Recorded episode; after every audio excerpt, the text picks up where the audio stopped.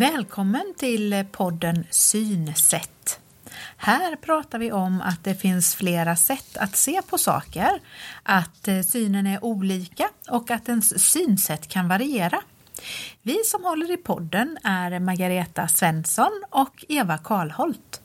Jag Margareta, jag är socionom och jag jobbar som kurator på Syncentralen i Jönköping. Och här vid min sida så sitter du Eva. Vad vill mm. du säga om dig? Då kan jag berätta att jag är ögonsjuksköterska. Eh, men nu arbetar jag på syncentralen i Jönköping och då arbetar jag som synpedagog. Mm. Och vi, vi vill att vår podd Synsätt ska ge dig som lyssnar kunskap på ett lättillgängligt sätt. Hoppas att du har nytta av det och att du tycker om det. Vi vill ge information om olika synnedsättningar, hur det är att få en synnedsättning och hur det sen är att försöka anpassa sig och lära sig att leva utifrån den förändrade situationen.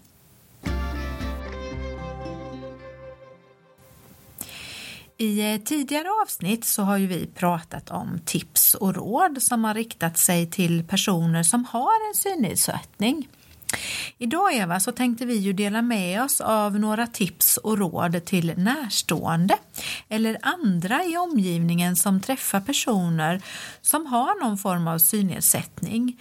Och det vi pratar om idag det riktas ju främst eh, eh, eller handlar om personer som har en svår synnedsättning mm, eller som är blinda. Och vi vill dela med oss av några saker som kan vara bra att tänka på i de här mötena. Mm. Vad, vad ska vi börja med? Ja, men vi kan väl börja med mötet ja. när, när, vi träffar någon som har synnedsättning, mm. svår synnedsättning. Och då så brukar det vara viktigt att man säger sitt namn samtidigt som man säger hej. Mm. Eh, även om man har träffats tidigare så kan man ju säga hej eh, Putte, det här är Eva. Ja, just det. Mm. Eh, för då blir det ju tydligare för, för personen som har synnedsättningar att det kommer någon och man slipper ju fundera på vem det är för det är ju inte alltid att man känner igen rösten eller kopplar ihop personen med den platsen man är på. Nej. Nej, precis. Och om man är i ett sammanhang då där det är eh, flera personer samlade så är det ju också bra att man presenterar alla närvarande. Fast det är klart, är det något så här stort möte, det kanske är 50 personer eller någonting, då kanske man inte kan göra det. Men då kan man ju berätta om dem som man känner igen eller de som är närmast eller så. Men så att man ja, berättar det för personen i fråga. Mm. Och om vi tänker oss att eh, jag kommer in i ett rum mm. där det sitter flera personer men även en person som har eh, svår synnedsättning eller är blind. Mm. Då så kan man ju också säga sitt namn mm. när man kommer in där och man kan ju också säga var man sätter sig. Mm. Det kan ju vara en, ett konferensrum eller ett mm. dagrum om man mm. tänker på ett äldreboende så kan ju det förekomma. Och det är klart, om man då sitter där och inte ser så bra, då uppmärksammar man ju inte när folk kommer in eller går. Nej. Mm, så det, det är ju jätte, ett jättebra tips. Mm. Mm. Och eh, då är det ju när, när man går så är det ju lika ja. viktigt att man säger att man går ja. eller vem som går. Ja. ja, för annars kanske den personen som har en svår synnedsättning eller är blind då, den kanske pratar med någon som inte ens är kvar. Mm, mm. Så kan det ju bli mm, ibland mm. och det känns ju inte bra. Nej. Kan det inte också vara bra att beskriva lite hur rummet ser ut och kanske hur det är möblerat eller att man säger hur många som är i, i rummet. Alltså det vi brukar säga att det kallas syntolka. Mm. Att man syntolkar rummet eller samlingslokalen. Ja, just när man mm. kommer in i ett mm. nytt rum där man inte har varit innan mm. så känns ju det bra mm. att få reda på det. Och då får man ju en, en, en bild av rummet och, och har lättare att föreställa sig det då kanske och även att man har lättare att orientera sig i det. Ja. Och om vi då tänker att eh, det är flera personer så är det ju bra om en, den som sitter närmast Mm. personen som saknar syn eh, hjälpa till och tolkar vad som händer i rummet. Om det är någon som eh, ler eller gör någon grimas eller pekar på något eller Ja, eller om, om man märker att det är dags att fika, om någon börjar plocka fram kaffekoppar. Ja, det kanske man hör förstås, men kan, det, det kan vara andra saker som sker. Så är det bra att man eh, tänker på det att, och berättar det så att personen kan vara med i sammanhanget. Mm. För när du säger det så tänker jag ju på det bara när du och jag sitter här och, och vi pratar och berättar saker. Så ser jag ju när du eh, vill förklara något för mig och du, du rör dina händer och jag ser när du ler och, och, och så. Det är ju många sådana intryck som man faktiskt förlorar. Så det är ju väldigt bra att få det beskrivet faktiskt. Ja. Ja. Mm. Sen tänker jag på att det är även bra att beskriva i ord vad man själv gör. Eh, ja, men nu... nu eh, eh, ja, kan du ge något exempel? Jag kom av mig lite. Ja, du trodde att jag ska komma på Jag tänkte... Jo, men, nej, men många gånger så vill man ju visa på någonting. Titta här och så håller man upp Ja, en, just en det. kalender. Ja. Eller det kan vara något, något som någon har köpt. Eller, Mm.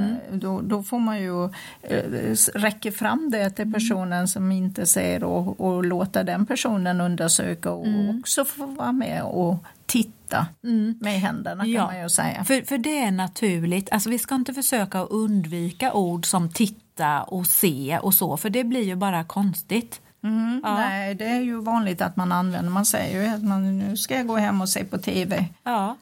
Även om man kanske bara lyssnar på tv. Ja, Ja. Mm, mm. ja och s- sen kom jag på det här med eh, om, man, om jag ska berätta någonting för personer med synnedsättning så är det ju bra om jag säger namnet eh, så att eh, han eller hon vet att det är just eh, henne eller honom jag pratar med. Ja, alltså det. till exempel, vad, vad tycker du Maja? Eh, så att man är tydlig med det. Ja. ja, för jag ser ju när du tänker att jag ska svara, eller så, då tittar ju du på mig. Mm, just just, det. det. men det missar man ju så då måste man vara extra tydlig. Mm. Ja, ja, absolut. Och jag tänker också på när man ska beskriva vad saker och, eh, saker och ting finns. Då, då får man ju säga, ja, men nu ställer jag den här koppen lite till höger eller vad det nu kan vara då. Eh, eller vänster. Men ibland så får man ju använda något som vi säger kallas klockmetoden. Att man anvisar läget efter klockan, som ja, men klockan 12 eller klockan 6. Kan inte du utveckla det lite? Ja, och det är ju vanligt att man använder det till exempel när man ska lägga upp mat Ja. på en tallrik. Kanske nästan vanligast. Alltså det, Ja. ja. Mm.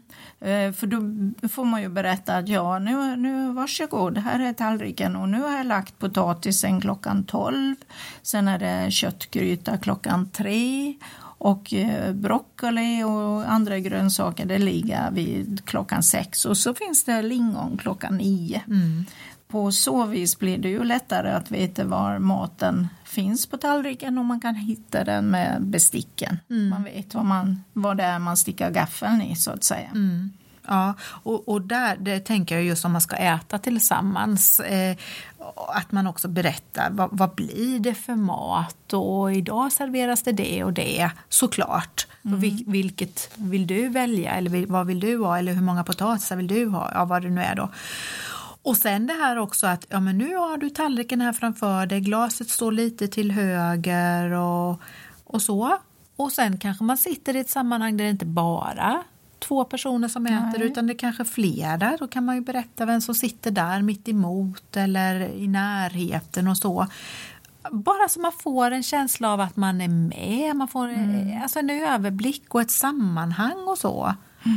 Man kan ju inte själv skanna av läget som du och jag gör. Nej, och då tänker jag att du tänker kanske Ja. På en personalmatsal Ja, eller, eller ett precis. äldreboende, Ja. Mm. en sån restaurang. För om man är hemma så blir det ju annorlunda. Ja. Då, då blir det ju mer givet och då, då tror jag att de flesta har bestämda platser och, och att man som synskadad hittar sin plats Mm. och plockar fram och, Ja. och, och är med i sammanhanget på ett annat sätt. Mm. Mm. Och även på en arbetsplats när man jobbar så blir det ju annorlunda. Mm. Ja, det är helt sant. Det är lite mer i de här o, o, alltså miljöerna där man inte är i så ofta. Mm. Och det är stort och stora rum och Ja. större avstånd och så. Mm. Då, då blir det annorlunda. Mm. I tidigare avsnitt så har vi ju pratat om kontraster och det är ju viktigt även för omgivningen att tänka på att goda kontraster hjälper till om man nu har synrester kvar.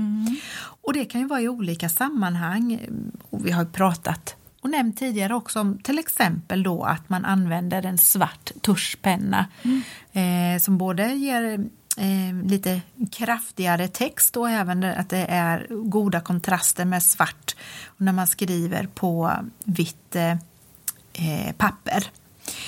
Har du några mer sådana exempel på när det gäller kontraster? Mm. Ja, för man får ju också tänka det att eh, det är ju inte så många personer som helt saknar syn utan Nej. många har ju synrester. Mm. Och då kan har man nytta av kontrasterna. Och Mm. ett exempel det kan ju vara till exempel en, kaffet. Ja. Att det är ju lättare att se kaffenivån i en ljus kopp eller mugg. Och eh, om man sen ställer då den ljusa koppen på en mörkt underlägg, ja, just det. tallriksunderlägg till exempel. Då hittar man ju den ja, mycket enklare. Ja, Ja. Mm. förutom att man använder känseln då. Mm. Och, och filmjölken den kan man ju då ha i en eh, mörk skål eller mörk djup tallrik. Mm. Mm. Ett, en, ett annat tips det är ju om, om det är i, i badrummet. Eh, om det är ljust kakel så är det ju lättare att se mörka handdukar. Mm. Det, det, det behöver ju inte vara svarta. Det kan Nej. vara mörkblå eller röda. Ja, eller ja, ja, någonting. just det, med någon starkare färg. Ja, och det är ja. ju lättare att se då mot det vita kaklet. Mm. Och då kom jag på att faktiskt så är det så att på syncentralen så har vi ju eh, fått eh, byta ut toalettringarna på, det. på toaletterna så att de är röda bara för att det ska bli en bättre kontrast. Ja. Ja, det finns ju många sådana eh, saker som man faktiskt kan tänka på när det gäller kontrast. Eh, en annan sån här sak som är bra det är ju det med ordning och reda omkring sig. Och Nu kommer det Ja, igen. det kommer och vi, vi kan ju inte nog poängtera det. Som, som närstående så är det ju bra att man tillsammans med eh, personen med synnedsättning kommer överens om vilka bestämda platser som saker ska ha och sen att man faktiskt är noga med att lägga tillbaka sakerna på rätt plats så att eh, man slipper att leta. För, för oss är det ju jätteenkelt att se att nej, men jag har ju bara lagt en, eh, en halv meter därifrån. Men den som inte ser så bra den letar ju där det brukar vara. Och, och ja, vilket håll ska man börja och leta åt? Det är Ja, ju inte det är lätt svårt. att veta. Ja. Ja, det spar ju mycket energi Ja. för personen i fråga. Om man slipper det där letandet. Och det är ju viktigt också, när jag tänker på större saker, möbler och stolar och så, att, att det är viktigt att det står på sina bestämda platser. Att man inte flyttar på något utan att man berättar det. För, Nej. det är, för kroppen, man har ju kroppsminnen och man är van att gå på ett visst sätt, en viss sträcka, så, så eh, är man ju inte så observant och då är det lätt att gå in i något föremål eller en möbel eller stol och slå sig. Och det, det kan ju vara onödigt. Jätteonödigt, det kan ju bli världens olycka. Mm. Och du, när du säger det så kommer jag också tänka på något annat jätteviktigt. Och det är ju att man är noga med att stänga skåpsluckor eller lådor, diskmaskinsluckan eller ugnsluckan. För där är ju risken också jättestor annars att den som inte ser bra inte uppmärksammar det här utan går in i eller snavar över en sån här lucka eller låda som är ute. Ja, Det gäller ju allting. Mm. Nu tänkte jag på vanliga dörrar ja. till rum eller i våra korridorer på jobbet egentligen. Ja. Att dörrarna måste ju vara antingen helt öppna eller helt stängda. Inte så där mitt emellan för då, då är det större risk att man går in i dem. Mm. Och stolarna kan vi ta igen då, stolarna runt ett bord. Ja. Det är bra om de är helt inskjutna under bordet. Just det. Mm. Jag tänker på Visst är det bra om vi säger något om belysning också för mm. Eh, om personen har nytta av ljuset så kan det ju vara bra att anpassa belysningen i ett rum utifrån den personens behov. För ibland kan ju faktiskt en lampa i rummet vara bländande och ibland, och då behöver man ju sänka ljuset så, men ja. ibland behöver man ju öka ljuset, alltså mm. man behöver mer ljus. Eh, och även kan det vara så att man har nytta av att en lampa är tänd i rummet för att man själv ska ha lättare att orientera sig och hitta kanske i en korridor eller samlingslokal och så vet man ju just det, det däråt jag ska. Mm. Ja, det stämmer bra mm. det.